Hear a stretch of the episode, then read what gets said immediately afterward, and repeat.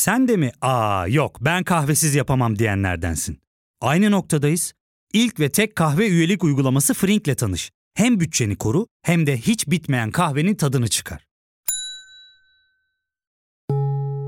Yakınlarından terapinin onlara ne kadar iyi geldiğini dinlesen de kendin için bir şeylere başlamak zor geliyor olabilir. Ya da sevdiklerine yardım etmeye istekliyken kendi ihtiyaçlarını görebilmek.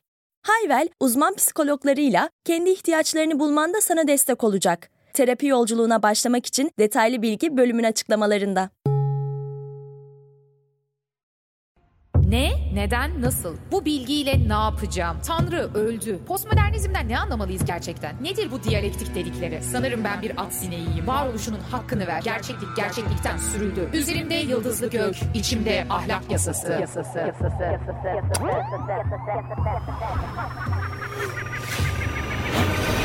Dünyaya fırlatıldık.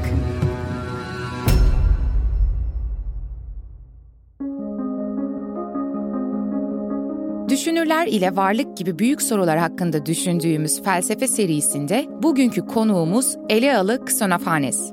Ama öncesinde kafanız yavaş yavaş karışmaya başlamış ve bu konuşmalar nereye varacak şeklinde bir kaygı yaşıyorsanız size çok sevdiğim bir alıntıdan bahsedeceğim. Ksonofanes'ten önce birazcık bu bilgilerle ne yapacağız, bu tartışmadan nasıl çıkacağız ona dair bir temellendirme yapayım. Umberto Eco var. İtalyan bir felsefeci, aynı zamanda sanat tarihçi, aynı zamanda bir kurgu yazarı. İnanılmaz bir adam, benim hayranlık duyduğum bir entelektüeldi kendisi. Bir gün katıldığı bir gösterge bilim konferansında şöyle bir şey söylemişti. Bugün size eksiksiz bir sunuş değil de birçoklarına göre henüz tutarsız gibi gelebilecek notlar sunacağım. Ama tembellikten değil. Çünkü biz yatıştırıcı yanıtlar aramak için değil, tartışma yapmak için buradayız. Şimdi konuyla alakasız gibi gözükse de ben bu alıntıyı çok seviyorum. Çünkü kendi düşünsel süreçlerimde de, yazmış olduğum yazılarda da veya arkadaşlarımla herhangi bir konu hakkında da gerçekleştirdiğim sohbetlerde bu alıntıya sık sık referans veririm. Ben varlık işte bu, Tanrı'yı da böyle düşünmelisin şeklinde yatıştırıcı yanıtlar sunmaktan ziyade aslında tartışmayı amaçlıyorum. Geri dönelim Ksenophanes'e, günün konuğu. Ksenophanes, Elea okulunda yer alan ünlü dört düşünürden bir tanesi. Kendisi bir din yenilikçisi ve antik çağın aydını olarak anılır. Bakalım bu iddiaların hakkını verebilecek mi? Çünkü aslına bakarsanız o yerleşik mevcut tanrı anlayışına yönelik ciddi bir eleştiri sunuyor. Ama biz bugün onun felsefesini iki adımda inceleyeceğiz. Bunlardan ilki negatif öğretisi. Önce bir değirleme değil mi mevcut görüşlere karşı bir eleştiriyle karşılaşacağız. Bu adımda onun hakim dini öğretiye olan eleştirisini görüyoruz. Bildiğiniz gibi antik Yunan'da tanrılar insan biçiminde. Biz buna antropomorfizm deriz. Yani insan biçimcilik, tanrıyı, şeyleri, kutsal anlatıları insandan yola çıkarak düşünmek. Bu antropomorfizm meselesini hiç bilmeyenler için burada bir parantez açmak istiyorum. Zeus, Hera ve Io'nun hikayesi. Özellikle İstanbulluların bu hikayeyi seveceğini düşünüyorum. Io, Hera'nın tapınağında bir rahibe. Zeus bir gün bir büyü yüzünden veya çapkınlığı yüzünden bilinmez, Io'yu gördüğünde ona aşık olur. Hera tabi Zeus'un kıskanç karısı, bunu öğrendiğinde Zeus'un üzerine gider ve Zeus kesinlikle Io'ya elini sürmediğini, ona aşık olmadığını söyler. Arada bir kıskançlık krizi. Zeus, Hera'nın gazabından Io'yu korumak için onu bir öküze veya ineğe çevirir. Onu bir ineğe çevirdiğini duyan Hera ise Zeus'tan bu ineği ister ve Zeus bu durumu reddedemez. Hera hediyesini gözetim altında tutmak için Argus'a verir ve bir zeytin ağacına bağlı tutmasını emreder. Argus mükemmel bir gardiyandır çünkü 100 tane göze sahip olup bir kısmını dinlendirirken diğer kalanlarıyla birlikte görevine devam edebilmektedir. Ama Zeus durur mu? Io'yu kurtarmak istediği için Hermes'i yollar. Bir çoban kılığında şarkılarıyla ve hikayeleriyle Argus'un yüz tane gözünü de uyutmaya başaran Hermes, Io'yu serbest bırakır. Hera'nın gazabı geliyor. Tabi bu durumda Hera durmaz. Öfkesiyle birlikte Argus'un yüz tane gözünü tavus kuşunun kuyruğuna yerleştirir. Ve aslına bakarsanız bu mitolojik anlatıya göre tavus kuşu etkileyici desenine de böylece kavuşmuş olur. Bunun ardından hala özgür bir öküz veya inek olan Ion'un arkasından onu dünya boyunca kovalaması için bir at sineği yollar. Io, dünyayı dolaştığı zaman boyunca o kıtadan bu kıtaya doğru yol alır. Sonrasında Trakya boğazından geçer ve bu iki boğazın arasındaki bölüme ise Bosporus denir. Bu kelime eski Yunanca öküz geçidi anlamına gelir. Bugün bile bizim boğaz içine İngilizce'de Bosporus dememizin sebebi aslında bu mitolojik öykü. Bunu şu yüzden anlattım. Tanrıların insan biçimde olmasının yarattığı sıkıntıları ve Ksonofanes'in eleştirisini tahmin edebiliyorsunuzdur diye düşünüyorum. Bakıldığında Yunan tanrılarının hayatları aslında böyle Brezilya'daki pembe diziler formatında değil mi? Zeus Hera'yı aldatıyor, Hera kıskançlığıyla onu öküze çeviriyor, ortada bir boğaz oluşuyor, tamamen insani yaşantıları var. Hatta bir noktada ahlaki açıdan da kötü sayılabilecek erdemsiz davranışlarda bulunan tanrı figürü var antik Yunan'da. Bizim tanrı figürünü genellikle yakıştıramadığımız şeyler. Çünkü onu etik açıdan mükemmel olarak düşünürüz. İşte bu kısım bizim tüm felsefi tartışmamızı üzerine kuracağımız nokta. Kısanofanes diyor ki, İnsanlar tanrılarını kendilerine benzer bir şekilde kurar. Onların seslerinin kendi sesleri gibi ve onların kıyafetlerinin de kendilerininki gibi olduğunu düşünürler. Eğer öküzlerin, atların ve aslanların elleri olsaydı ve onlar elleriyle insanlar gibi resim yapmasını bilselerdi, atlar tanrılarının biçimlerini atlarınkine, öküzler öküzlere benzer çizerlerdi. Onların her birine de kendi türlerine uygun bedenler verirlerdi. Şahane bir tespit. Ksonofanes harika bir zeka. Yani insanlar tanrılarını vazgeçilmez bir şekilde kendilerinden yola çıkarak betimlemek ve düşünmek zorundadır dedi. Şimdi bu konuyu biraz düşünelim istiyorum, büyüteçle yaklaşalım. Neden antik Yunan'daki insanlar tanrılarını insan biçiminde düşünüyorlar? Ya da bunun başka bir yolu var mı değil mi? Mesela İbrahim peygamberin tanrısını düşünelim. Ona dair hiçbir nitelik, hiçbir belirlenim bilmeyiz. O sadece ben ben olanım der.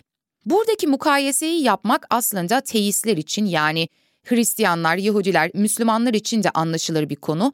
Tam da antik Yunan'dan farklı olarak teistik dinlerin tanrısını nasıl kurduğunu da düşüneceğiz. Sadece 2500 sene önceki insanlardan bahsetmekten ziyade aslında kendi tanrı anlayışımızı da temellendirmekte rol göreceğini düşünüyorum. Biraz daha geriye gidelim. Mesela ilkel insanlar. Onlar Tanrı'yı güneş, ay veya ateş olarak düşünüyorlar. Şimdi her seferinde Tanrı imgelemesinin insanların nesnel deneyimiyle alakalı olduğunu görüyoruz değil mi? Güneş, ay, ateş ya da kendi biçimlerinde insan gibi olduğunu düşünüyorlar.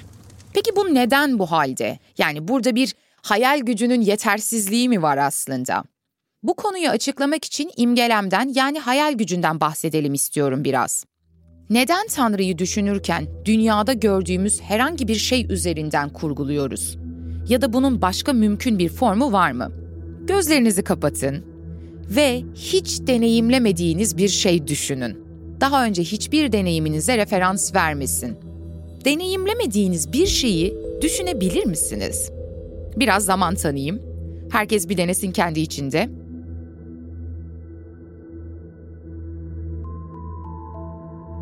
Bu noktada şunu sorabilirsiniz. Aklınıza, deneyiminize sunulmamış, verilmemiş bir şeyi nasıl düşünebilirsiniz ki? 20. yüzyılda fenomenoloji adlı ekolün de kurucusu sayılan Edmund Husserl bu kavramı çok fazla kullanır. Biz de bu serinin ilerleyen bölümlerinde tekrar tekrar altını çizeceğiz. Hangi kavram o? Verilmişlik. Yani size sunulmuşluk. Bu düşünürlere göre deneyimleyemediğim bir şey aslında benim için yoktur. Ben benim için olmayan bir şeyi düşünemem değil mi? Deneyimlediklerimi düşünemiyorsam, düşündüklerim deneyimlediklerimdir gibi bir yere varıyorum. Ama bu noktada şey diyor olabilirsin. Ya Dilara tamam iyi hoş söylüyorsun da mesela ben pembe bir fil düşünebilirim. Kanatlı bir fil de düşünebiliyorum. Ama ben hiç uçan pembe bir fil deneyimlemedim diyebilirsin. Aslına bakarsan bu güzel bir karşı çıkış olur ama burada hayal gücüne dair bazı şeyleri açık hale getirmek lazım. Çünkü hayal gücü kendisine deneyim aracılığıyla sunulan şeyleri serbest bir biçimde çeşitleyebilir. Aydınlanma döneminin ünlü düşünürlerinden biri olan Kant ki bu bölümler fazlasıyla bizi yoracak, ileride uzun uzun konuşacağız Kant hakkında da. O ünlü kritik serisinin 3. bölümünde yani yargı yetisinin eleştirisinde buna bir free play, serbest oyun diyor. Sonrasında az önce de işaret ettiğim Edmund Husserl ise buna serbest çeşitleme adını verecek. Yani hayal gücünün kendisinde barındırmış olduğu bir imkan aslında. Evet sen uçan pembe bir fil deneyimlemedin ama uçmayı gördün, pembeliği biliyorsun ve file dair de bir deneyimin var. Bu noktada hayal gücü bu farklı deneyimlerden yola çıkarak bir çeşit serbest çeşitleme ile yeni imgelemler yaratabiliyor. Bu noktada Xenofanes'in eleştirisine geri dönersek neyle karşılaşacağız peki? Yani antik Yunan'daki insanlar Tanrı'yı tabii ki kendi deneyimleri üzerinden düşünmek zorundalar. Xenofanes de böyle yapmak zorunda zaten. Bunun başka bir imkanı yok. Ya onun niteliklerine dair kendi deneyimlerinden yola çıkarak bazı şeyler söyleyeceksin ya da İbrahim gibi hiçbir şey söylemeyeceksin. O ancak ben, ben olanım gibi totolojik bir önerme aracılığıyla ele alınacak. Ama buna karşı şey diyebilirsiniz mesela. Bilginin kaynağı sadece deneyim değil, aynı zamanda içsel görü olabilir, sezgi olabilir, iman sıçraması gibi şeyler olabilir diyebilirsiniz. Dürüst olmak gerekirse bana bunlar pek mantıklı gelmiyor ama bu benim fikrim elbette. İçsel sezgiyle bir bilgiye ulaştığınızı düşünelim. Bu durumda bile aslında ister istemez siz bu bilgiyi karşınızdakine nesnel deneyimler ve dilsel ifadeler aracılığıyla anlatırsınız. Burada ben nesnelliğin gerçek olup olmadığını tartışmıyorum. Onu da tartışacağız ama şu an başka bir şeye dikkat çekmek istiyorum. Bizim düşüncemizden ve düşünme biçimlerimizden bahsediyorum. Çünkü en sonunda varlık şöyle bir şey değil mi? Varlık, düşünce değil, birbiriyle ilişki içerisinde. Hatta aynı. Düşünebildiğim her şey var, var olan her şeyi düşünebilirim, düşünebildiğim ve var olan her şeyi de dile getirebilirim. Bu yüzden tersine bakarsak bu sürece, dile getirdiğim her şeyde vardır gibi bir yere varıyorum. Var olmayan bir şey düşüneyim mesela. Ya da dile getiremediğim bir varlık olsun. Çelişik geliyor değil mi kulağa? Tabii kavramsal bir çorba oldu hissiyatı da yaratmış olabilir. Burayı biraz daha basitleştirmek istiyorum. Bu madem ki bir 101 serisi, kendi deneyimlerimizden bahsedelim. Bu durum bana yani Xenofanes'in işaret ettiği bu durum aslında çocukken yaşadığım bir olayı çağrıştırıyor. Ben küçükken Allah'ı böyle beyaz elbiseli, uzun sakallı, gökyüzünde yaşayan, tahtında oturan bir dede olarak düşünürdüm. Eminim pek çok insan da böyle düşünüyordu. Yani siz Allah denildiğinde gözünüzün önüne ne geliyor bir onu hatırlayın. Tabii benim Allah'ı bir baba, bir dede, yaşlı bir erkek olarak düşünmem elbette toplumsal cinsiyet meselesi ya da Hristiyanlıktaki kutsal ruh üçlemesinden kaynaklı. Burada Tanrı'yı neden erkek olarak düşünüyoruz tartışmasından ziyade şuna vurgu yapmaya çalışıyorum. Biz de Tanrı'yı ya da Allah'ı düşünürken zaten insan biçimli düşünüyoruz. Onun şefkatli olduğunu söylediğimizde, onun her bir anımızı gördüğünü söylediğimizde yine insanın temel nitelikleri üzerinden yola çıkmıyor muyuz? Bırakın antik Yunan'ı biz de bu şekilde düşünmek zorundayız aslında. Bunu göstermeye çalışıyorum. Bu yüzden insan Tanrı'yı kendisi ve kendi deneyiminden yola çıkarak düşünmek zorunda. Çünkü başka bir şey olmanın ne demek olduğunu bilmiyoruz. Peki bu noktada makul bir tanrı kavrayışı nasıl olabilir? Bu da bizi Xenofanes'in pozitif öğretisine getiriyor aslında. Bu noktada bölümü ufak bir ara verelim, sonrasında kaldığımız yerden devam edelim. Ya fark ettin mi? Biz en çok kahveye para harcıyoruz. Yok abi, bundan sonra günde bir. Aa, sen Frink kullanmıyor musun? Nasıl yani? Yani kahvenden kısmına gerek yok. Frink'e üye olursan aylık sadece 1200 TL'ye istediğin çeşit kahveyi istediğin kadar içebilirsin. Günlük 40 TL'ye sınırsız kahve mi yani?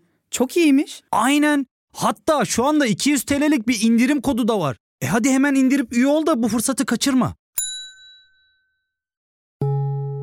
Terapiye başlamak, içinden çıkamadığın döngüleri kırmak, bazı yanlış bulduğun kararlarını değiştirmek ve kendinle beraber daha huzurlu bir yaşam inşa etmek için atabileceğin en değerli adımlardan biri. Hayvel ile yoğun yaşam tempona uyum sağlayarak online terapi seanslarını takvimine göre ayarlayabilirsin. Bini aşkın uzmandan sana en uygun terapisti seçebilir, podb10 koduyla indirimden yararlanabilirsin. Detaylı bilgi açıklamalardaki bağlantıda. Az önce negatif öğretide Tanrı'ya ilişkin var olan görüşleri eleştirdik. Şimdi bunları nasıl aşabileceğimizi konuşalım. Xenofanes'in Tanrısı için söylediği şeyleri bizler de kendi dini görüşlerinize bağlı olarak kendi Tanrınızla, Allah'la, Yehova'yla ilişkilendirebilirsiniz. Bakalım Xenofanes bize nasıl bir ipucu sunar? O şöyle söylüyor. Tanrılar ve insanlar arasında en büyük olan ne biçim ne düşünce bakımından insanlara benzer olmayan o tek Tanrı tümüyle göz, tümüyle düşünce, tümüyle kulaktır. İşte bütün sıkıntı buradan sonra başlayacak. Şimdi ben buralarda biraz hem İslamiyet'i işaret edeceğim hem de Nietzsche ile bir ilişki kurmaya çalışacağım. Ama bunlar tamamen benim yorumlarım, Dilara'nın e, kurmaya çalıştığı bağlantılar. Ksonofanes'e ilişkin ya da Ksonofanes felsefesinden zorunlulukla doğan bir tarihsel bilgi değil. Birincisi Ksonofanes teist, tek tanrıcı değil. Yani İslamiyet'teki, Hristiyanlıktaki veya Yahudilikteki gibi evrenin dışında, evreni aşan böyle yaratıcı bir tanrıdan söz etmiyor. Ne demiştik? İlk Yunan filozofları genellikle, hatta genellikle değil Sokrates'e kadar herkes materyalistler yani Tanrı'dan bahsettiklerinde de aslında maddi evrenden yola çıkıyorlar. Bu yüzden Ksonofanes Tanrı'dan bahsederken o tüm düşüncedir, tüm kulaktır, tüm gözdür dediğinde de madde dışı bir Tanrı'dan bahsetmiyor. Bu noktada İslamiyet'in Tanrısından ayrıldı. Onun evren ve Tanrı arasında bir ayrım yapmaması sebebiyle aslında panteist olduğunu da söyleyebiliriz. Panteist de tüm tanrıcı demek. Hani bazen şey diye düşünüyorsanız ya belki de evrenin kendisi tanrıdır. Hani evrenle tanrı arasında neden bir ayrım yapalım ki? Evren ve tanrı bir ve aynı şey de olabilir diyorsanız aslında siz de bir panteistsiniz. Bu yüzden Aristoteles ki Aristoteles Metafizik adlı kitabında kendinden önceki bütün felsefeyi özetler ve bir açıdan da felsefe tarihine bir giriş yapmış olur. Xenofanes'in varlık birdir düşüncesini ilk kez ortaya atan düşünür olduğunu söyler. Ama buradaki en ilgi çekici olan şey bence Tanrı'yı tüm göz, tüm kulak olarak nitelendirmiş olması. Şimdi biraz aşırı yorum yapma riskini de göze alarak bunun bana neyi çağrıştırdığını söyleyeceğim. Ne demiştim en başında Umberto Eco gibi mesele yatıştırıcı yanıtlar bulmak değil tartışmak biraz felsefe yapalım. Bu konu bana Esmaül Hüsna'yı anımsatıyor. Hani İslamiyet'te vardır ya Allah'ın 99 ismi. Şimdi size bazılarını söyleyeceğim. Bu tüm göz, tüm kulak meselesiyle nasıl bir ilişki kurduğumu anlatacağım. Bu 99 isimden bazılarını sıralayalım. El müheymin, her şeyi görüp gözeten, her varlığın yaptıklarından haberdar olan demek. Es-semi, her şeyi en iyi işiten demek. El basir, gizli açık her şeyi en iyi gören. El habir, her şeyden haberdar, her şeyin gizli taraflarından haberi olan demek.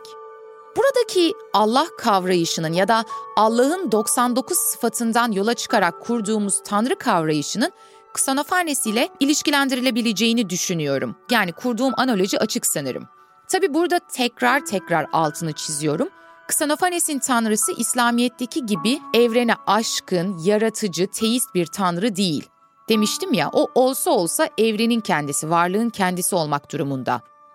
Peki ben bu sonuca nereden ulaştım? Belki de ben Xenofanes'i yanlış anlıyorum. O aslında İslamiyet'teki Allah gibi bir şeyden söz ediyor.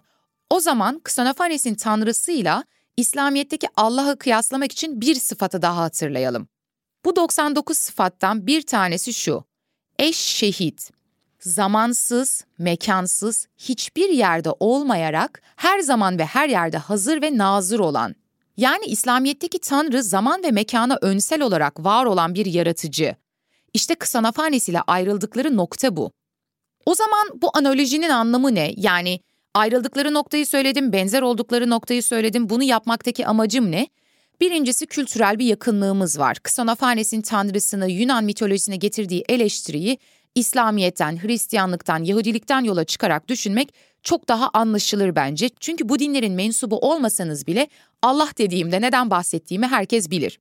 Onun bu tüm göz, tüm kulaklar, her şeyi gören, duyan meselesi birbirini bence inanılmaz çağrıştırıyor. Ama onu biraz şu minvalde konuşmak da gerekli.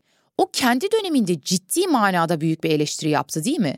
Sizin bu inandığınız tanrılar gerçek falan değil. Çünkü tanrı mükemmel ve noksanlıktan yoksun olmalıdır diyor. Siz ahlaki açıdan erdemsiz tanrılara inanıyorsunuz. Muazzam bir eleştiri. Milattan önce 5. yüzyıldayız.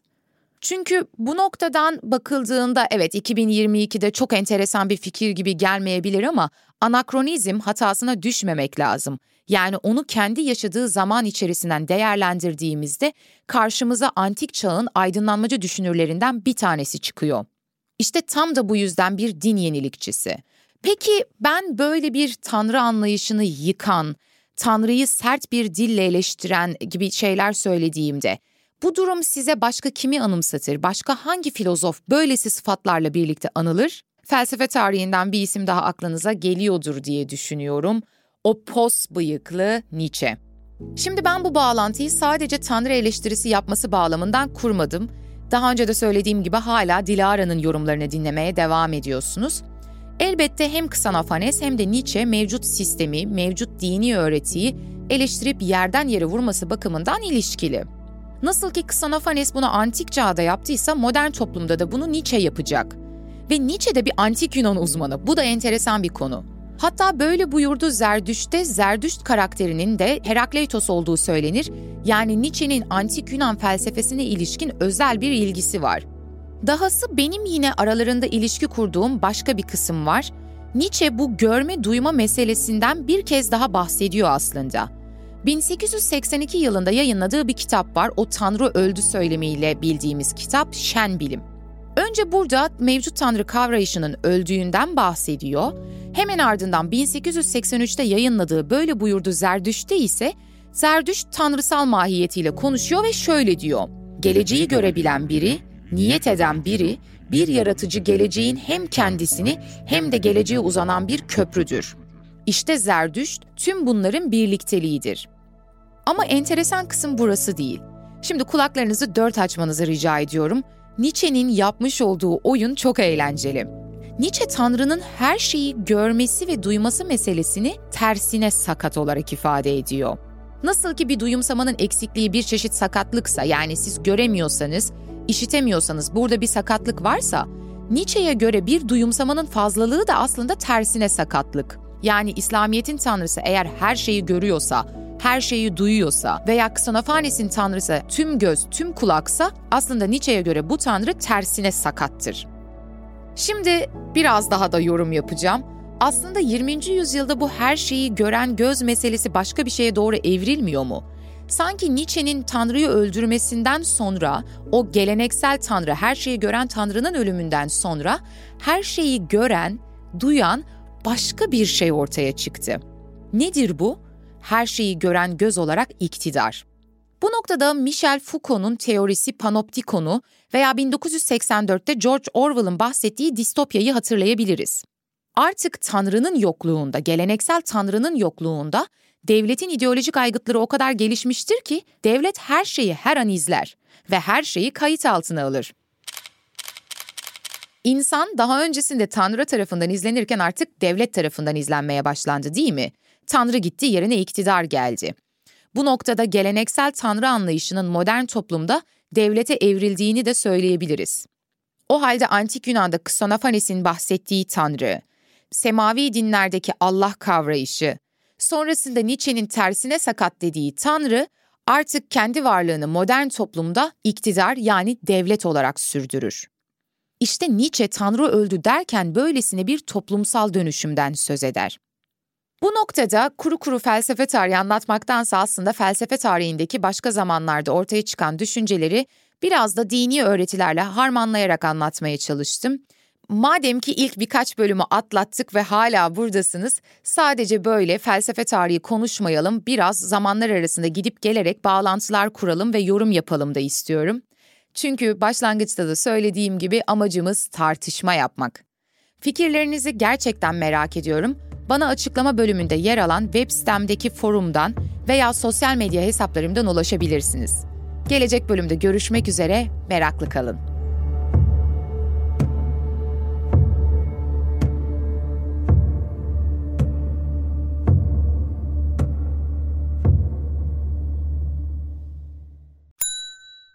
İlk ve tek kahve üyelik uygulaması Frink, 46 ildeki 500'den fazla noktada seni bekliyor.